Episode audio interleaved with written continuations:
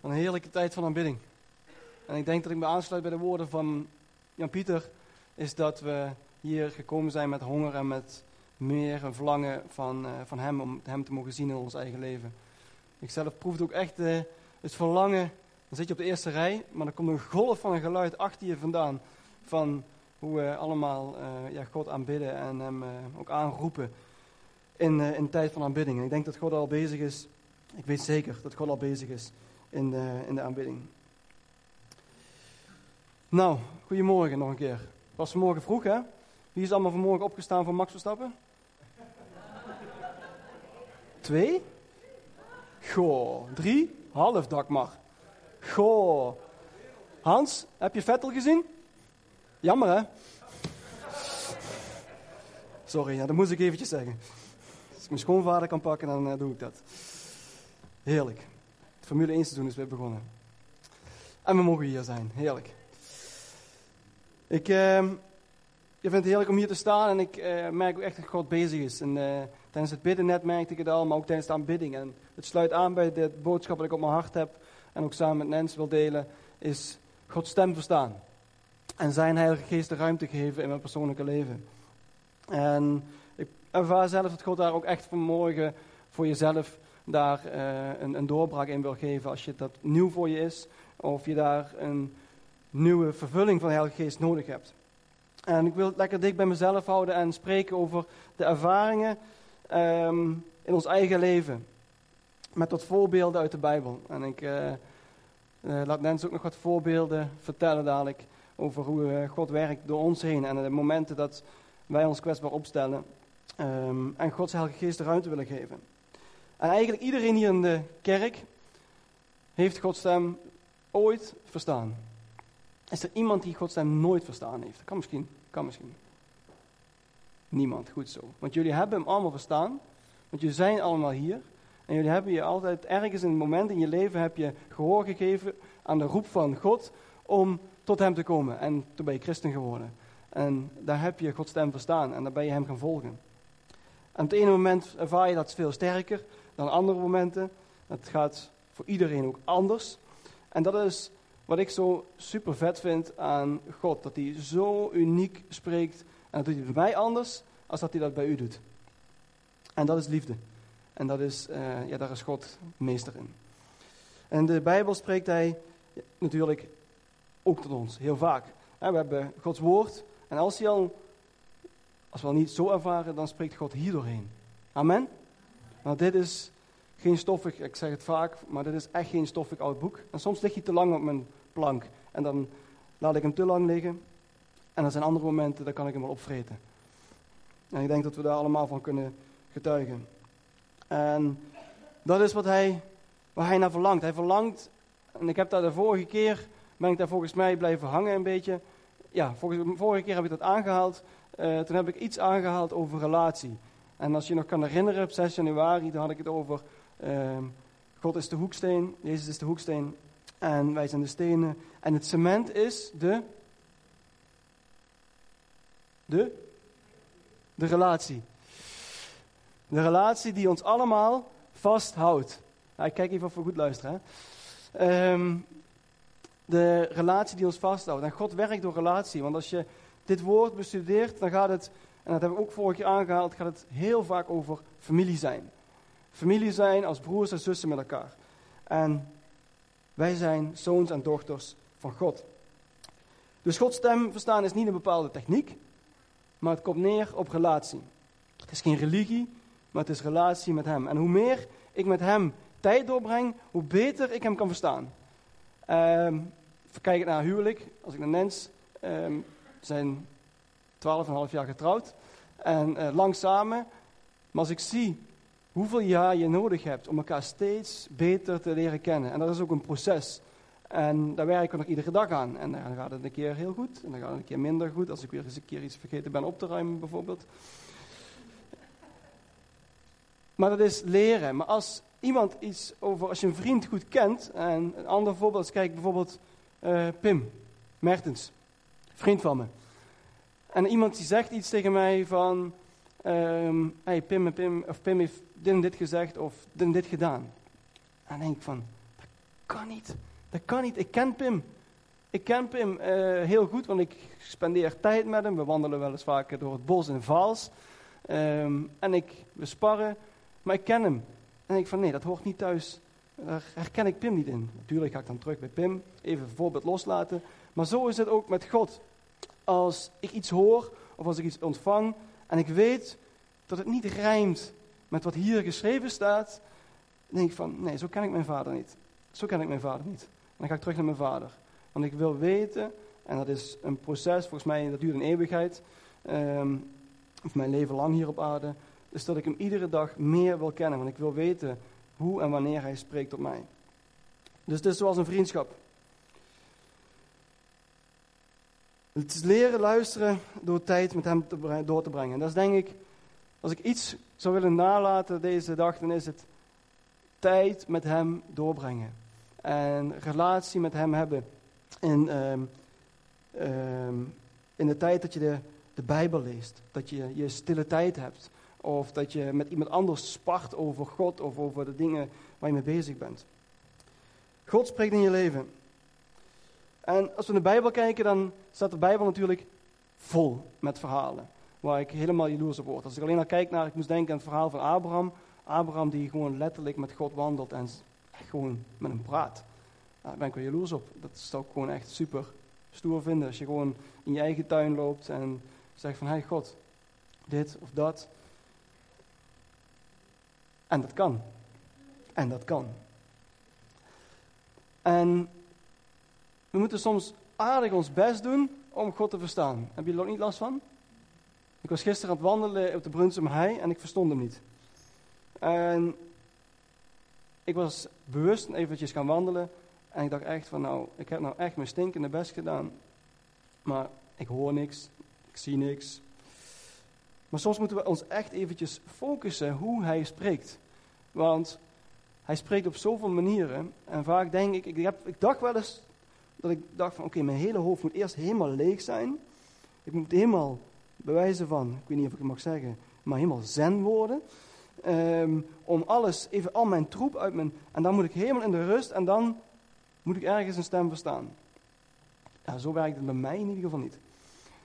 Als we kijken naar Elia, Elia die um, God zoekt en Gods stem verstaat, dat gaat ook op een hele mooie manier. De ene moment heeft hij op de berg Karmel, heeft hij dat, uh, dat brandoffer en dan komt die bliksem omlaag en dan gaat dat brandoffer gaat dan aan. Um, mooi verhaal. Een tijdje later gaat hij naar de berg Horeb. En op de berg Horeb klimt hij omhoog, gaat hij in een grot zitten um, en krijgt hij ontmoeting met God. En ik was dat zo aan het lezen, uh, ter voorbereiding van dit. En oh, dan zie je dat eerst komt er, moet ik het in mijn hoofd doen, uh, sterke wind. Dan komt er een aardbeving. En dan komt er vuur. En in die drie dingen was God niet. Dan denk ik echt van, als je dat toch gebeurt, als je ergens staat en je eerst begint keihard te stormen, zoals afgelopen zondag. En daarna begint er in één keer, krijg je een aardbeving en dan komt er in één keer van alle kanten vuur. Ik weet het niet, het staat er niet, maar God was daar niet. En dan komt er een fluister en een stilte. En spreekt God fluisterend tot Elia. En dacht ik van wow. En dat geeft wel even aan dat ik dacht van oké, ik moet wel, ik mag, moet, gewoon gefocust zijn, hoe spreekt hij tot mij? Hij spreekt niet door de aardbeving, de manifestatie, wat je allemaal zag, maar op een gegeven moment, heel persoonlijk, fluistert hij met Elia. Leuk verhaal wat niet in de Bijbel staat, maar wat me wel aansprak, dat ging over een boer. Ik hou van boeren. Een boer die, um, die had een, um, een, een, horloge. Tegenwoordig hebben we dat niet meer, alleen een iWatch of zoiets. Uh, of onze telefoon. Maar een horloge wat je zo opdraait. Hebben we die generatie nog hier in deze kerk? Ja?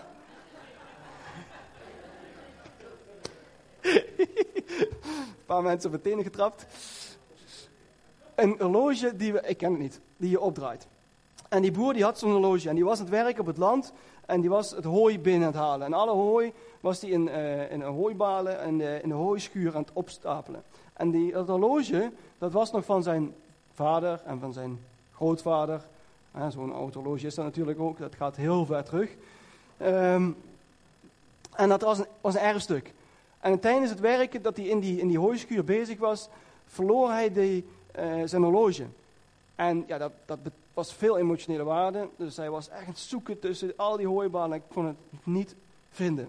Dus hij gaat terug, s'avonds naar zijn vrouw. En zijn vrouw heeft het eten op tafel staan. En um, hij deelt dat met zijn gezin. En hij zegt, jongens, ik heb een probleem. Ik ben mijn horloge verloren. En uh, zijn vrouw en goed, emotionele waarde, balen. Maar hij had ook een zoontje van vijf jaar aan tafel zitten. En zijn zoontje die was aan het luisteren en die zei, papa, ik ga jouw horloge vinden. Kerel, doe je maar niet de moeite, papa heeft al gezocht. En in een hooi, schuur vol met hooi, je gaat hem niet vinden. En ik, wel, ik ga hem vinden, papa. Ik ga hem vinden. En het jongetje die gaat naar de, naar de hooischuur. Uh, en hij loopt uh, de, de, de, die, die schuur binnen en klimt helemaal naar boven. En wat hij doet op dat moment, is hij gaat liggen boven op die hooibalen. En het is doodstil. En het is doodstil. En hij hoort helemaal niks. Totdat hij eerst zijn eigen hartslag hoort. Hij hoort eerst zijn eigen hartslag. En een tijdje verder is hij nog stil. En dan hoort hij het. Tik, tik. Heel ver weg. En hij begint te zoeken en uiteindelijk, lang verhaal kort te maken, hij vindt dat horloge, brengt het naar zijn vader. Maar that's it. Focussen op het geluid. Hoe spreekt God vandaag op dit moment tot mij? Is dat door een beeld? Is dat door een visioen, een droom? Of heel simpel, door een handeling? En gisteren was ik dus, wat ik je vertelde, was ik in het bos. En ik verstond Gods stem niet. Totdat ik mezelf betrapte wat ik aan het doen was. Want het had, in Brunsum had het heel erg gestormd en ik loop daar een bepaalde route, beetje een afgelegen pad. En het lag vol met allerlei takken. En ik was eigenlijk aan het bidden met God van, oké Heer, geef mij iets of wat dan ook voor morgen. En um, ik moest denken aan, uh, ik, ik, was dus bezig met allerlei takken aan de kant aan het opruimen. En van het pad af aan het halen en dat pad vrij aan het maken. Totdat ik op een gegeven moment op mijn bankje zat en denk van, oh, ik ben toch ook echt zo'n... En niet eens in de gaten dat God spreekt door de handeling die ik op dat moment aan het doen was. Want ik werd bepaald bij de gedachte angst en schaamte, dat we daarmee mogen afrekenen. En dat we onszelf alle gebieden in ons leven mogen afleggen wat niet van Hem is, zodat we veel meer van Zijn Heilige Geest mogen gaan zien in ons leven. Dus ik was eigenlijk bezig met iets met een handeling, takken weg aan het halen. En dacht van waarom ben ik eigenlijk die takken hier weg aan het halen? Totdat God dus sprak van, hey Maarten, maak in je leven alles wat niet van mij is, gooi het aan de kant, gooi het weg en maak dat pad vrij. Dus soms dan, uh, spreekt God door ons, niet door een, een, stem wat vanuit de hemel komt, of vuur of een aardbeving, maar dan moeten we even luisteren naar die fluisterende stem.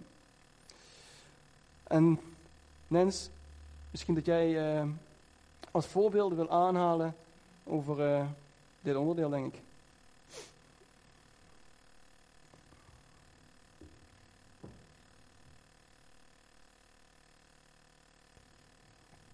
Test. Goedemorgen. Weet je wat het probleem is? Probleem. Je gaat niet op het podium staan en het eerste wat je zegt is dat er een probleem is. Maar goed, ik doe het lekker toch. In Efeze 3, vers 20 staat: Aan Hem, die door de kracht die in ons werkt bij macht is, oneindig veel meer te doen dan wij vragen of denken. Aan Hem komt de eer toe. Enzovoort. Oneindig veel meer te doen dan wij vragen of denken. Op het moment dat wij niet naar zijn stem luisteren, dan beperken we hem maar ook onszelf. We, hè, want hij is bij machten veel meer, oneindig veel meer te doen dan wij vragen of denken.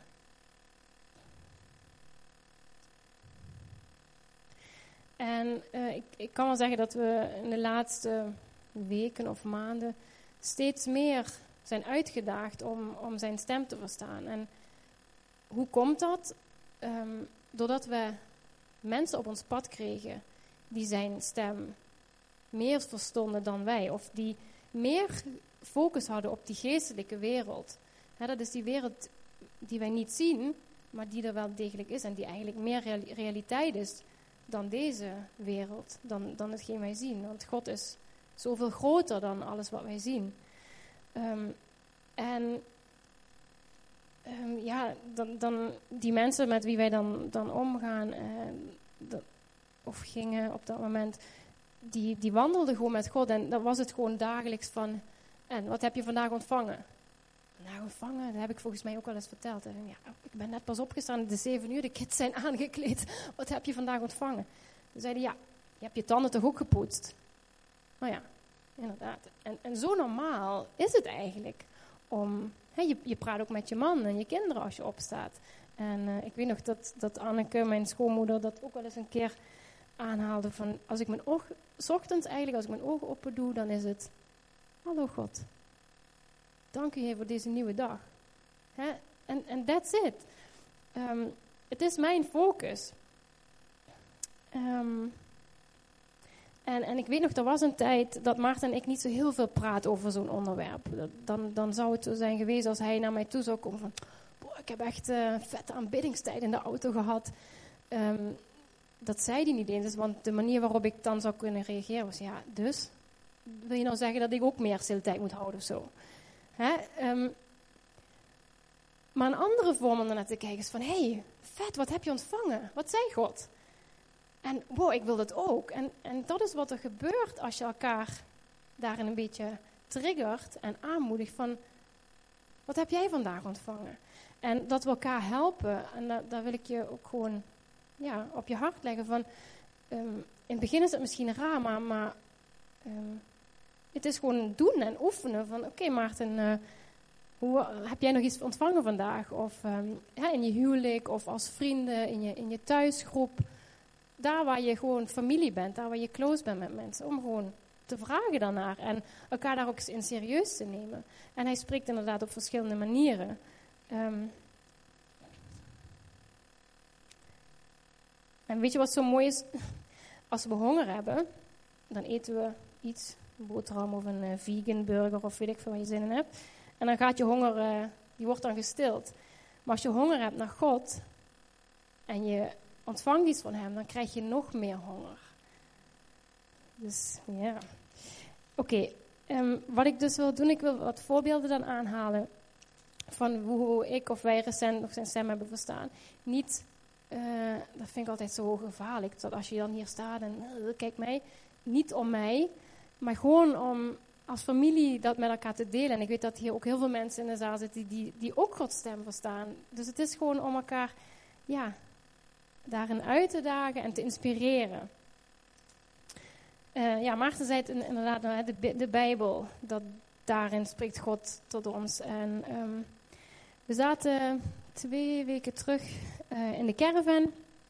Ons huis is eh, verhuurd, was verhuurd op Airbnb. Een van onze gekke acties, lang verhaal.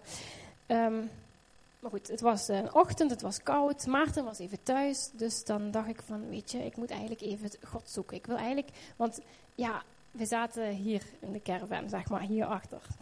En ehm, hier wordt heel veel gebeden, generaties lang. En de hemel is hier open. Ik weet niet of jullie dat weten of ervaren, maar dat is, dat is we hebben al eens eerder hier in, in zo'n huisje gewoond. En, en ja, God is gewoon echt hier, zeg maar. Alsof het, ja. In ieder geval, dus ik denk, ga even naar buiten. Dus ik eh, loop over dat gras en het was koud. Dus ik was zo, "Ugh, oké God, nou hier ben ik dan. En eh, ik keek zo eh, naar de hemel. En dan zag ik twee vliegtuigen. Eentje voorop en eentje iets daarachter. En die vloog, die ging iets, steeds iets meer verder weg. Maar hij bleef wel in de buurt. Dus dacht, wauw, God, wij vliegen daarvoor en u komt met ons mee, zeg maar. Maar u maakt steeds meer afstand, want die heeft zoiets van, ja, je kan dit wel. En zo. Dus dacht, wauw, dankjewel. En ik had ook de Bijbel bij me, dus ik denk, oh, ik sla ook even eh, de Bijbel open. En eh, Jacobus 4, vers 6b las ik. En het was in de Passion vertaling. Dus wat ik tot mij nam op dat moment was... God resists you when you are proud, but continually pours out grace when you are humble. En bedankt. Ja, dag. in, in het Nederlands, God keert zich tegen hoogmoedigen, maar aan nederigen schenkt hij genade. Ja, dat, dat kan niet, zo praat u niet met mij, toch? Maar, doordat je wandelt met hem en doordat je inmiddels gaat beseffen, en soms raak je dat misschien heel even kwijt, maar dat moet je dan weer terugpakken, dat hij van je houdt en het beste met je voor heeft, en ook met de mensen om je heen, dacht ik van, oh, u wilt mij helpen. En ik besefte, en dat is iets wat ik de laatste tijd besef, dat ik toch best wel nog te dealen heb met trots. En ehm, ja, hoogmoed, hoe je het wilt noemen. En ehm, ja, God is me daar echt in, aan, aan het uitdagen. En een klein dingetje dat ik bijvoorbeeld, ehm, Anneke eh, bracht Nick eh, thuis. Ze had op hem opgepast en eh, hij was aan het stuiteren. Hij was druk. Dus ik zeg, oh, hij zal wel snoepjes hebben gehad of niet. Want ik merk soms vaak zo'n effect bij hem, zeg maar, van suiker. En toen was Anneke weg en toen dacht ik, wat ben je toch ondankbaar. Wat ben je toch ondankbaar. Come on, hé. Ze heeft de hele dag met liefde voor hem gezorgd. En misschien heeft hij een koekje gehad. Nou en? Dus normaal zou ik daar niet eens over nadenken. Maar ik, ik ben gewoon bezig om God daar de ruimte in te geven, zeg maar. Dus, dus ik bel daar op. Ik zeg, sorry. Ik zeg, wat dom van mij. En dank u wel voor wat u, hè, dat u met zorg en liefde weer op hem gepast heeft. En Anneke zei, ja kind, is toch niet eens over nagedacht. En, maar, maar voor mij was dat belangrijk om toch even te bellen. En, hè, om gewoon God dat door mij heen te laten doen. Dus dat is één. Dus, dus een stukje dankbaarheid. Dat, dat is iets waar God ook... eh, Dus mijn hartgesteldheid. Daar praat hij ook op dit moment gewoon eh, eh, tegen mij. Een andere voorbeeld is... ehm, dat hij door een zin soms tot mij spreekt. Mijn cholesterol bleek te hoog te zijn. En ehm, ja, die dokter die wilde graag dat ik een pilletje neem, maar die, heeft heel veel bijwerkingen en ik wil dat niet. En ik zeg, god, u kunt toch een wonder doen? En ja, ik moet DNA moest ik eh, laten testen om te kijken of het erfelijk is. Want als het erfelijk is, dan moet je die pil. Eh. Ik zeg, ja, god, ik wil dat niet. Dus ik was aan het bidden en God zei tegen mij, kind, we gaan samen die waarde omlaag halen. Jij doet wat jij kan doen en ik doe wat ik kan doen. Dus je gaat gewoon wat sporten en gezond eten en samen gaan we dat fixen. Ik zeg, oké heer, ik wil niet dat het eh, erfelijk bepaald is. Maar ja, en als het erfelijk bepaald is, dan gaan we dat wel weer aanpakken. Nou goed, dus ik kreeg eergisteren, of drie dagen geleden, kreeg de uitslag. Het is erfelijk bepaald. Dus ja, je hebt het nou eenmaal. En ehm, ja, dan ga je met wat mensen praten om je heen. En heel lief, hè, hoe mensen eh, van, ah man, wat vervelend voor je. En, en iemand anders die ik belde was van, ik verbreek het in Jezus' naam. En, en dat, dat kan ook, hè. Ik bedoel, dat geloof ik ook. En maar wat, wat ik tegen iemand zei die ik ook belde, was van... ehm, ja, God zei tegen mij, we gaan het samen omlaag halen. Zegt, Nancy, God zei tegen jou, jullie gaan het samen omlaag halen. That's it. Dus soms spreekt hij tot je en raak je het ook weer kwijt, want je gaat met die praten en je gaat met die praten. Dat is niet erg, we kunnen elkaar helpen. Maar mijn zin op dat moment was, we gaan het samen omlaag halen. Dat is hoe God op dit moment hierin voor mij werkt. Oké, een laatste, als dat oké is. Of wil je? Ehm, ja, God werkt ook wel eens door beelden. Dus dat je gewoon iets ziet op je netvlies, zeg maar. Hè? Op het moment dat je je ogen sluit en je denkt aan een roze olifant, dan zie je een roze olifant. Dus op zo'n manier, hè, dat, zo kan God ook iets in jou laten zien. En eh, we zitten in een fase van eh, best wel grote veranderingen en ehm, keuzes die we gaan maken. En soms gaat dat heel rustig en peace en joy en righteousness. Maar soms dan oh, ben je echt onrustig en denk je, wat moeten we nou? En ja, keuzes. En ik zei vorige week tegen mij, ik zeg, ik voel me zo onrustig. En normaal ging ik dan misschien een filmpje kijken of een serietje. Of, eh, en nu had ik zoiets van, ik weet eigenlijk wat ik echt nodig heb. En dat is gewoon bij God zijn. En gewoon bij hem komen.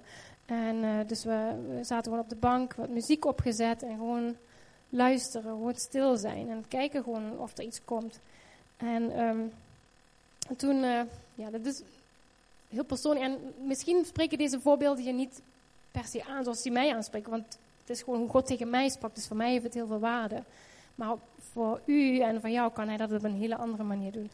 Maar goed, wat ik dus zag was, Ehm, ik was in, in uh, zee of meer. Ik gooi dat altijd door elkaar. In Duitsland is dat anders. Maar lekker warm water en er waren wat golfjes. En ik lag daar zo in het water. En God was naast mij. En hij was over mijn rug aan het aaien. En ik vond dat een beetje awkward. Want ik ben dat van thuis. Ja, wij zijn niet zo knuffelig, toch pap? Dat, ja, we zijn het wel aan het oefenen. maar, um, dus ja, hij was over mijn rug aan het aaien. ik dacht van, ja, eigenlijk vind ik dat wel fijn. Ja, en, en dat duurde eventjes en ik moest me daar gewoon echt aan overgeven van, van God houdt van mij en hij wil dat op dit moment voor mij doen. Dus het was in al die onrust en al die plannen en al die keuzes, als ik dan bij God kom, dan is hij zo lief en zo persoonlijk en hij heeft het helemaal niet over die grote dingen, maar gewoon van, ik ben bij jou. En, oh. Dus, dus dat, dat helpt je dan weer om, om door te gaan, want je kan hem gewoon vertrouwen. En wat het ook met je doet, en dat vond ik dan zo mooi, tegelijkertijd, uh, s'avonds bracht ik de kids naar bed en Nick zei, dat vindt hij zo fijn, mama wil je mijn rug even aaien? En meestal, ik bid dan even en uh, aai ik zijn rug en Jezus naam amen. Oké, wel rusten schatje, mama gaat niet naar beneden. Dan wil je nog even aaien? En toen dacht ik van, ja, ik mag datzelfde mag ik ook voor mijn kinderen weer doen. Dus dat is ook wat God doet. Op het moment dat hij mij daar aanraakt, vloeit die beker weer over en mag ik dat weer doorgeven aan mensen om me heen. Zij het mijn kinderen, mijn man. Ja, dus God is zo lief en het is zo waardevol om soms echt gewoon even te zeggen, oké, stop alles. En, en ik heb voor mezelf ook uh, nu even Instagram van mijn telefoon gegooid. En niet van, je moet dat doen, want anders versta je het hem niet. Maar voor mij was het echt even ik heb er heel even over nagedacht. En in een seconde van een fractie van een seconde had ik dat ding eraf gegooid. En denk van, oh. En weet je, ik vind het heerlijk. Ik besef nu pas. Ik zeg niet dat ik het niet weer terugzet hoor. nee, maar ik, ik besef nu pas hoeveel tijd daarin gaat zitten. En hoeveel stemmen. En hoeveel beelden. En hè, hoeveel meningen. En nogmaals, het het kan ten goede gebruikt worden. Dit is echt waar. We kunnen elkaar echt ook daar inspireren. Maar um, oh, zoveel mooier om hem echt tot je hart te laten spreken. Dus dat was wat ik uh, wilde delen.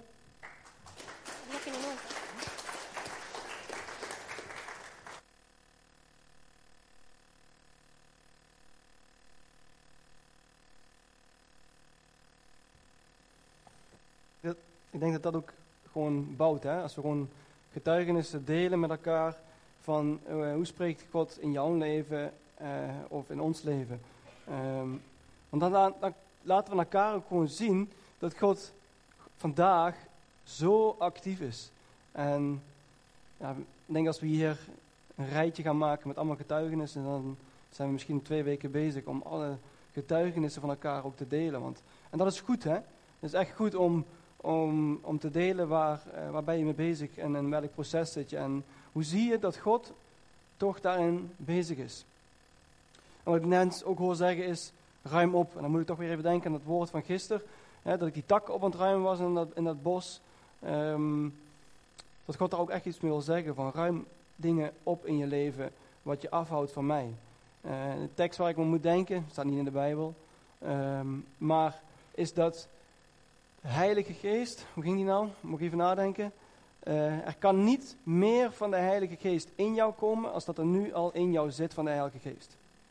Maar de Heilige Geest kan wel meer van jou krijgen dan dat hij nu al van je heeft. dus de Heilige Geest, die zit al in je. Amen? En maar hoeveel ruimte geef ik die Heilige Geest om te werken door mij heen? En dat is een van mijn ja, doelen, teksten, die me zo aanspreekt vandaag de dag om Hem de ruimte te geven en Jezus in mij te zien en Zijn koninkrijk hier op aarde te zien komen. En we leren het in het gebed, laat uw koninkrijk komen. En het zo mooi daaraan is dat daar, daar zit echt iets zo moois in. Ons passie en ons verlangen als christen mag, mag en moet zijn dat we meer van zijn koninkrijk hier op aarde willen zien en minder van het koninkrijk van de duivel. We willen, de duivel die heerst hier op aarde, die gaat rond. Prima. Maar ik wil op de plek waar ik kom, waar wij komen, wil ik Gods koninkrijk veel meer zien. En veel meer van zijn koninkrijk hier op aarde verspreiden. In Korinthe 14, vers 1 staat: Doe je uiterste best om vol te zijn van deze liefde. Verlang ook naar de gave van de geest. Vooral naar het profeteren. Dat is een mooie tekst. En de tig vertalingen in het Engels vind ik het nog wat mooier. En dan gaat het over een intens desire om de Heilige Geest te zien bewegen in jouw leven. Het moet een verlangen, dat mag een verlangen zijn dat je zijn Heilige Geest ziet bewegen in je leven. Het gaat niet om een of andere badge te dragen of om wat dan ook. Nee, het gaat erom dat wij op de plek waar wij komen, dat we daar een getuige mogen te zijn. En weet je waarom? Omdat het ons geboorterecht is. Het is ons geboorterecht om te lopen en Jezus in ons te zien werken. Nou goed, Nancy haalde al een paar van die voorbeelden aan. En wat ik zo tof vind is dat, uh, en daar heb ik ook wel eens uh, over gesproken. Uh, en ik denk dat een van mijn lievelingsteksten is, als ik dat zo mag noemen. En die staat in 2 Korinthe 12, vers 9. En daar staat, maar hij zei tegen mij, je hebt genoeg aan mijn liefdevolle goedheid. Want mijn kracht kan pas helemaal zichtbaar worden als jij zelf zwak bent. Want mijn kracht, Gods kracht, kan pas helemaal zichtbaar worden als jij zelf zwak bent. En ik heb toen gepreekt over in mijn zwakte ben ik sterk. Het is niet op mijn sterkste moment dat God het meest door mij heen werkt. Nee, als ik me heel kwetsbaar opstel en zwak ben, dan werkt hij door me heen. En dat is best tricky en best eng, mag ik eerlijk zeggen. Um, ik vind het behoorlijk eng om soms uit te stappen en Gods geest door me heen te laten werken. En daar ben ik gelukkig niet de enige in, want als je kijkt naar de discipelen, Petrus en Johannes en de discipelen, die werden vervuld door de Heilige Geest in die kamer, vlammetjes boven hun hoofd. En we kennen het mooie verhaal. Ze gaan naar buiten en Petrus begint te spreken. Bam. 3000 man bekeren zich. En hij spreekt in tongen en heel veel andere mensen kunnen hem horen en verstaan. En goed, een supermooi wonder wat daar gebeurt. Maar er waren ook mensen die zeiden, deze mensen die zijn dronken, uh, zijn niet meer helemaal lekker in hun hoofd, noem het maar op. Dus ze stonden ergens ook gewoon voor schut op dat moment. Maar weet je wat? Ik voor mezelf heb eigenlijk heb, uh, de afspraak die ik met God heb gemaakt, zijn twee dingen. Als ik denk dat Hij iets geeft aan mij op dat moment, dan zeg ik het. En de volgende is, ik heb een verwachting dat God me dan ook gebruikt. En dan sta ik best vaak voor schut. Dat kan, I don't know, maar ik sta liever tien keer voor schut en één keer dat iemand zijn hart aan de Heer geeft of dat iemand een ontmoeting heeft met God, dan vind ik die negen andere keren interesseert me helemaal niks. Natuurlijk voel ik het, zweet ik onder mijn oksels, word ik over, word ik warm, weet ik veel, noem het maar op. We waren vorige week in Londerzeel, leuk voorbeeld. Bij Hengen Karin mochten we spreken. En we hadden onszelf uitgedaagd en echt gebeden, Heer, geef ons namen voor mensen die in de kerk zitten. En we hadden namen opgeschreven. Oké, die naam, die naam, die naam. Um, en we hadden ook opgeschreven, oké, we denken dat we voor die persoon die bemoediging op dit moment hebben. Spannend. Dus over even uit je comfortzone stappen. Het ging over stap uit de boot. En we begonnen dat te delen. Uh, Nens begon dat te delen. Dan zeg ik, oké, is hier een Kevin in de zaal? Nee. Oké. Uh, is hier een Johan in de zaal? Nee. Nou goed, zo hadden we een stuk of vier mensen.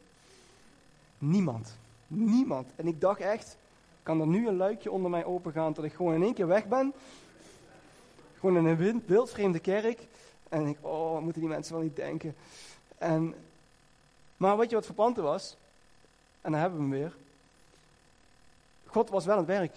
En weet je waarom? Nou, natuurlijk, hij zorgde dat wij uit onze comfortzone stapten. Maar wat er aan de hand was, iedereen in de kerk, of van, al die namen, kende iemand in de kerk wel Kevin. Of iemand anders kende, ja, maar ik ken wel een Johan. En we deelden die bemoediging. En het ging over stap uit je boot. En ik snapte hem nog niet hoor. Ik snapte hem nog niet. Maar hij kwam naar de dienst naar me toe. En hij zei, Maarten, weet je wat er denk is gebeurd? Je probeert de mensen te bemoedigen om uit hun comfortzone te stappen en uit de boot te stappen. Maar hoe kunnen ze dat doen als ze niet zelf een opdracht meekrijgen? Ik zeg, Henk, ik snap niet wat je bedoelt. Zeg je, jullie kwamen met die vier, vijf mensen. En er was altijd wel iemand in de kerk die Kevin of Johan of weet ik het wie kende. En die bemoediging sloot wel aan. Dus wat moet er nou gebeuren? Die mensen, die persoon, die heeft toegezegd om naar die persoon toe te gaan en te zeggen, hey, ik heb een woord of een bemoediging voor je, wat ik vanmorgen hoorde in de kerk. Dus niet, ik werd, ja, ik ook al uitgedaagd, uh, maar die persoon, die werd uitgedaagd om uit de boot te stappen en naar Kevin toe te gaan of hem op te bellen. hey, ik heb een bemoediging voor je. En ik denk van, oeh Henk, dat is diep. Die had ik zelf niet zien aankomen. En zo werkt God. Maar zien we hem, willen we hem zien werken op dat moment? Ik zag het op dat moment niet. Maar God was wel bezig. Weet je wat? God houdt ervan om gebroken mensen te gebruiken. En in mijn zwakte mag ik sterk zijn. In mijn zwakte mag ik iemand anders bemoedigen. En dat vind ik zo ontzettend geweldig aan God. En de laatste tijd, Nancy haalde aardig wat voorbeelden aan. De laatste tijd mogen we wat uitstappen. En is het mijn verlangen ook om gewoon samen met anderen uit te stappen. Ik haalde net Pim aan, als ik met Pim aan het sparren ben, aan het bidden ben. Om elkaar heerlijk uit te dagen van, hey, heb je nog iets ontvangen van God? Of wat houdt je bezig? En daarin familie zijn met elkaar. En elkaar te bouwen. En te leren hoe spreekt God tot mij. Zelf, ik heb wat voorbeelden opgeschreven. Hoe spreekt God tot mij? En soms had ik ineens in de gaten. Ik was 15 jaar. En volgens mij heb ik het nog nooit tegen mijn ouders gezegd. Uh, ik was 15 ongeveer. En ik reed uh, naar, de, naar de middelbare school toe. En die ligt onder aan de berg. En het is heerlijk, want je kan gewoon de berg affietsen. En dat deed ik nogal erg onverantwoord. Dus dat ging best hard, tot mijn fietsje zo, zo trilde. Uh, de Haansberg af. Um, en met mijn rode fietsje. En daar zat alleen de achteruitrem op. En ik deed het iedere dag. Zo, wop, naar beneden. Totdat ik bij de Bodemstraat kwam, onderaan. Um, en um, ik in één keer het gevoel kreeg, trap op je rem. I don't know, ik nooit. Dus ik trapte op mijn rem, piepende, uh, piepende banden. En ik stond helemaal stil. En vanuit rechts kwam in één keer op een rotvaart gewoon een auto uit die straat. En ik dacht van, oké. En ik had niks in de gaten. Echt een paar jaar later dat ik dacht van, was dat niet God? Was dat niet God? Ik denk wel. Zeker, ik weet het. Klaar, dat was God. En dat is zo vet om God te zien spreken door de dingen heen iedere dag. En of dat nou op mijn werk is, als ik een of andere bouwvergadering heb, of dat het is dat ik midden op de Lidl sta, uh, bij de Lidl op de parkeerplaats sta, en Nens die ziet een man lopen die gebukt gaat, en ze stapt in de auto en die ziet in de spiegel, oh boy, Heer, u zegt dat ik met die man moet praten eh, en moet bidden. Hmm, oké. Okay. Nens stapt uit de auto, loopt naar die man toe en stap uit je boot. En ze liep naar die man en zegt, mag ik voor je bidden? Heeft u last van uw rug? Ja. Goed, gebeden. Is die man genezen op dat moment? Nee. Is dat een beetje awkward? Jip. Voel je je dan een beetje wil ik uh, verschut? ja, dan voel je je wel een beetje vreemd. Maar hoe mooi is, is dat God wel de God is die wil werken door jou heen. En het ook echt gewoon doet. En we hebben gelukkig ook gewoon momenten meegemaakt dat God door ons heen werkt. als ik kijk, terugkijk naar Brazilië, naar Afrika, uh, maar ook gewoon hier in de buurt uh, naar mensen dat we mogen uitstappen en dat we iets mogen uitdelen naar, naar ons. En dat is niet voor degene die hier staat, nee, dat is voor ons als broers en zussen, voor ons allemaal. We mogen elkaar bemoedigen, we mogen elkaar opbouwen en God wil door jou heen spreken. Ik moest hem een seintje geven. We hadden, eigenlijk, we, hadden eigenlijk een, we hadden eigenlijk een zin afgesproken, maar ik vond het leuker. Weet je wat het, uh, wat het is? Ik, uh, al die manifestaties en die genezingen, en we hebben in Brazilië echt, heb ik echt mooie dingen meegemaakt van God en mooie dingen gezien, ook persoonlijk voor mezelf. Maar in Brazilië kwam één ding echt naar, me, naar boven. En ik twijfel of ik het hier gedeeld heb, maar ik ga het toch delen. We, en ik ga hem kort houden. Maar we werden daar getriggerd om een, um, een schattenzoektocht te doen, treasure hunt.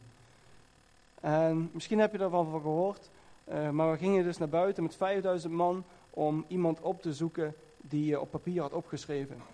En daar begint ook echt mijn proces om Gods stem te verstaan. En we werden uit, de opdracht werd ons meegegeven, schrijf een naam op, een kledingstuk, buiten kenmerken van een persoon uh, en iets waar je voor mag, die andere persoon mag zegenen.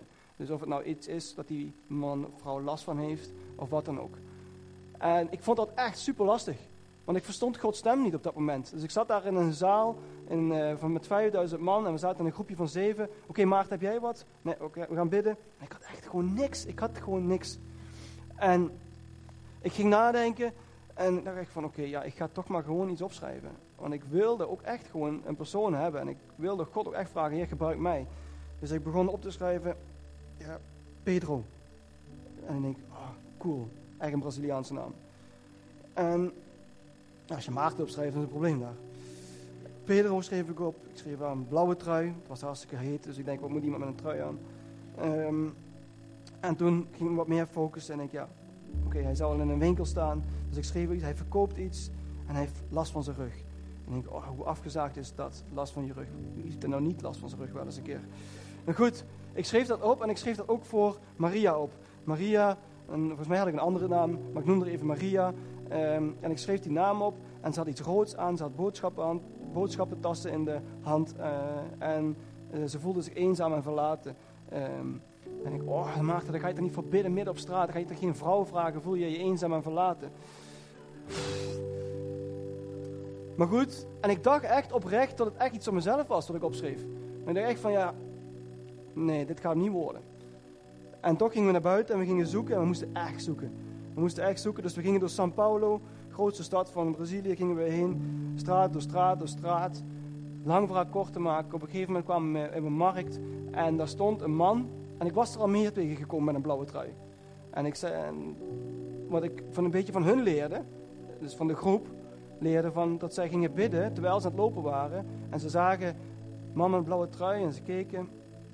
En nee, dat is het niet. En liepen door. En ik dacht echt, dat had hem kunnen zijn. Vraag dan gewoon hoe die heet. Dan weet je het. En ze liepen gewoon door. En ze liepen door.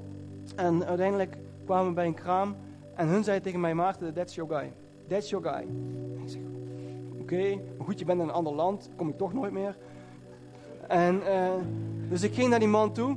En ik zeg, meneer, mag ik u wat vragen? Mijn naam is Maarten, ik kom uit Nederland.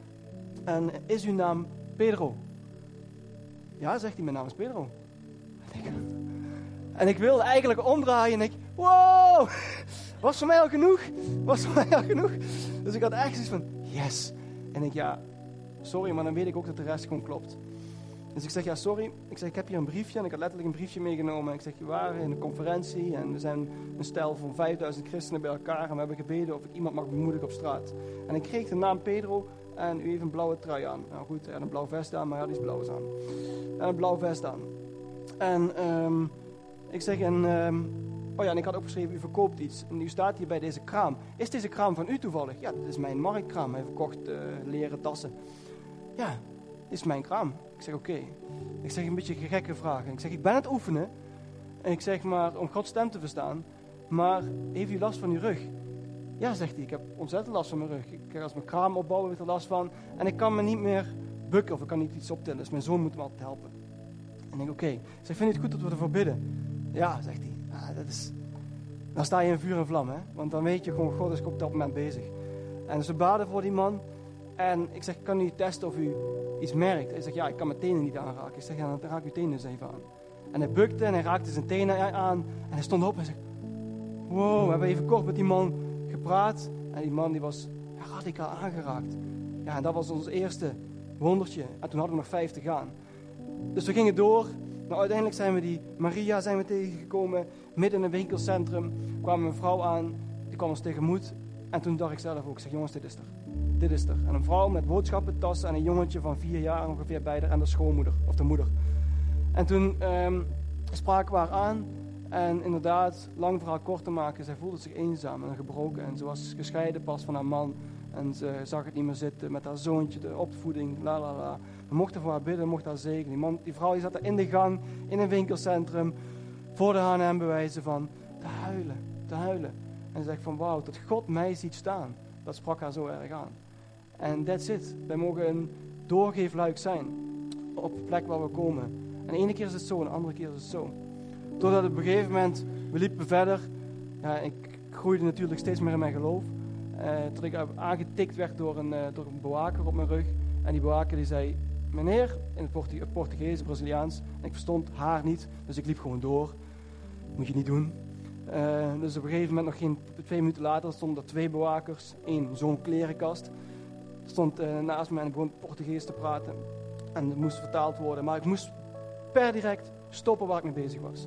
Want we verzorgden overlast en de rust in het winkelcentrum werd, uh, werd verstoord. En ik dacht echt van, kerel, je weet half niet. Oké, prima, als jij dat wilt, maar, maar God houdt je niet tegen. En dan kan de duivel nog zo hard proberen, maar God houdt je niet tegen. Maar we gaven gehoor, dat is ook goed, soms gewoon even te luisteren. Dus we gingen lekker bij de McDonald's eten en we een lekkere Big Mac halen, ook goed. En wat die securities niet wisten, is dat er door de hele stad 5000 mensen heen liepen met dezelfde opdracht. Dus we zaten midden in het winkelcentrum en het was middenplaats waar allemaal eetkraampjes waren. En ik stond daar bij de, bij de McDonald's uh, mijn bestelling af te nemen. En ik herkende iedereen aan een, bepaald polsbandje van het evenement. En op een gegeven moment um, genas er midden in die zaal genas een man van uh, iets wat hij had. Ik weet niet eens wat. Maar die man die stond op en die begon te jubelen alsof er een goal gescoord was. Hij was zo blij. En die mensen eromheen, van, van die, die daar voor hem aan het waren, begonnen te, te jubelen. En ik zag die bewakers al kijken. En, en mensen. Maar wat er toen gebeurde, is dat over iedere verdieping, overal die 5000, maar het waren geen 5000 man, het waren over de hele, stad. Maar alle mensen die op dat moment daar waren van de conferentie, begonnen te zingen: How great is our God. En ik, en echt, die securities die stonden zo van, ja, hier kunnen we niks aan doen. En de mensen achter de toonbank die begonnen in één keer te filmen alsof het een of andere flashmob was. Maar het was geen flashmob. Het was God die gewoon bezig is door mensen die in hun zwakte zich kwetsbaar opstellen en laten gebruiken om andere mensen te bemoedigen en aan te raken.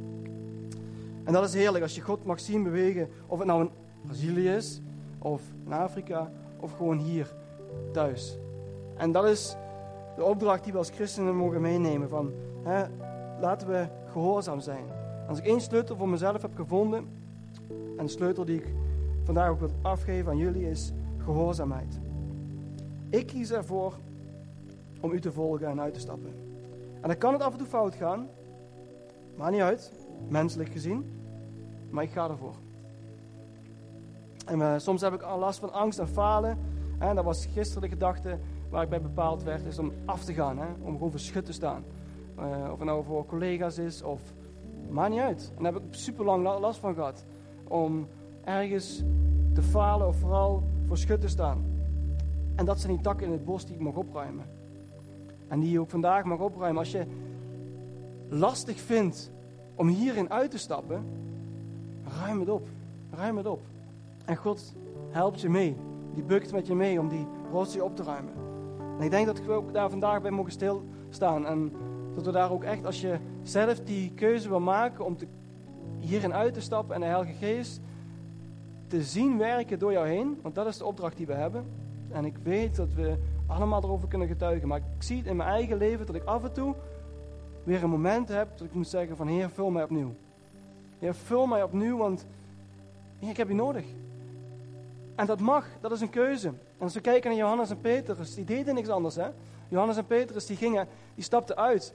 En een van de verhalen waar ik mee wil eindigen is dat Johannes en Petrus die waren onderweg. Jezus is gestorven en ze waren onderweg en ze gingen uh, naar de tempel om te bidden. En terwijl ze onderweg waren, kwamen ze langs uh, de tempel. En ik zie dat zo voor me, die tempeltrap. En daar zitten dan uh, de bedelaren en de zieken zitten daar te bedelen om, om geld. En er staat letterlijk geschreven is dat Petrus richtte zijn ogen op die verlamde man die daar zat. En ik denk dat er eentje zat. Ik kan het er niet uithalen, ik heb het niet bestudeerd, maar ik denk dat daar meerdere bij de trap zaten. Hè? Want je ziet dat in de tempel en er werd gebedeld om, om geld. Maar Petrus richtte zich op één persoon en hij richtte zijn blik. En in het Grieks, in de, grondtekst staat er dat die, heel, ja, die blik, die gerichte blik was, zijn blik werd stopgezet bij die persoon. En dat is de Heilige Geest. De Heilige Geest die door Petrus heen werkt. Petrus, je moet iets met die man.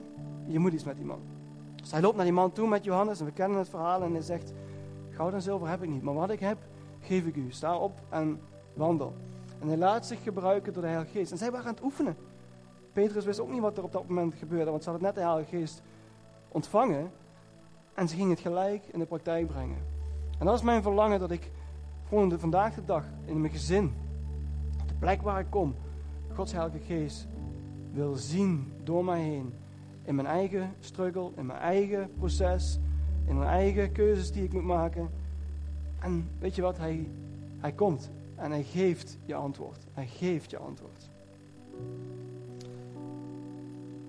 Goed, ik zou zeggen, vragen, zullen we gaan staan?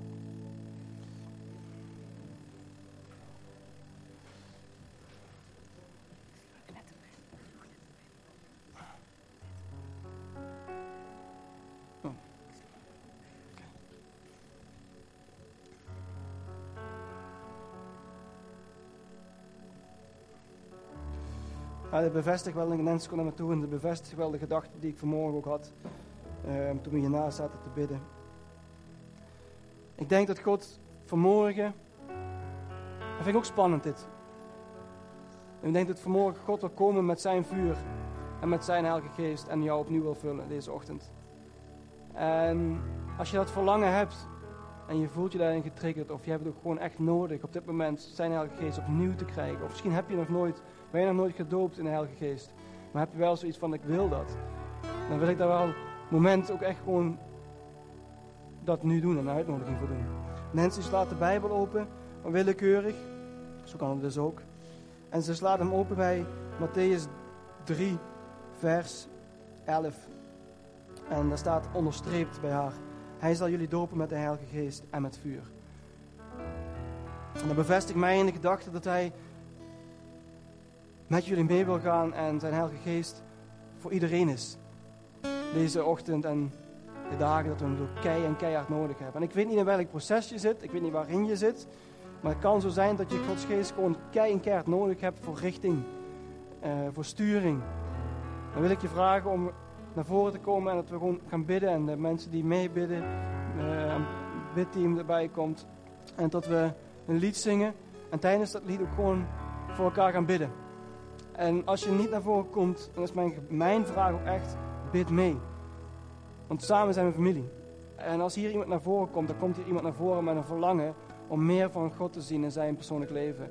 Om richting, om zijn Heilige Geest de ruimte te geven in zijn of haar leven. En dan zou ik zeggen, bid dan gewoon mee de plek waar je bent. En um, ja, laten we zingen en voel je vrij en ga vooral voor jezelf. Maak de keuze voor jezelf om bij God te zoeken.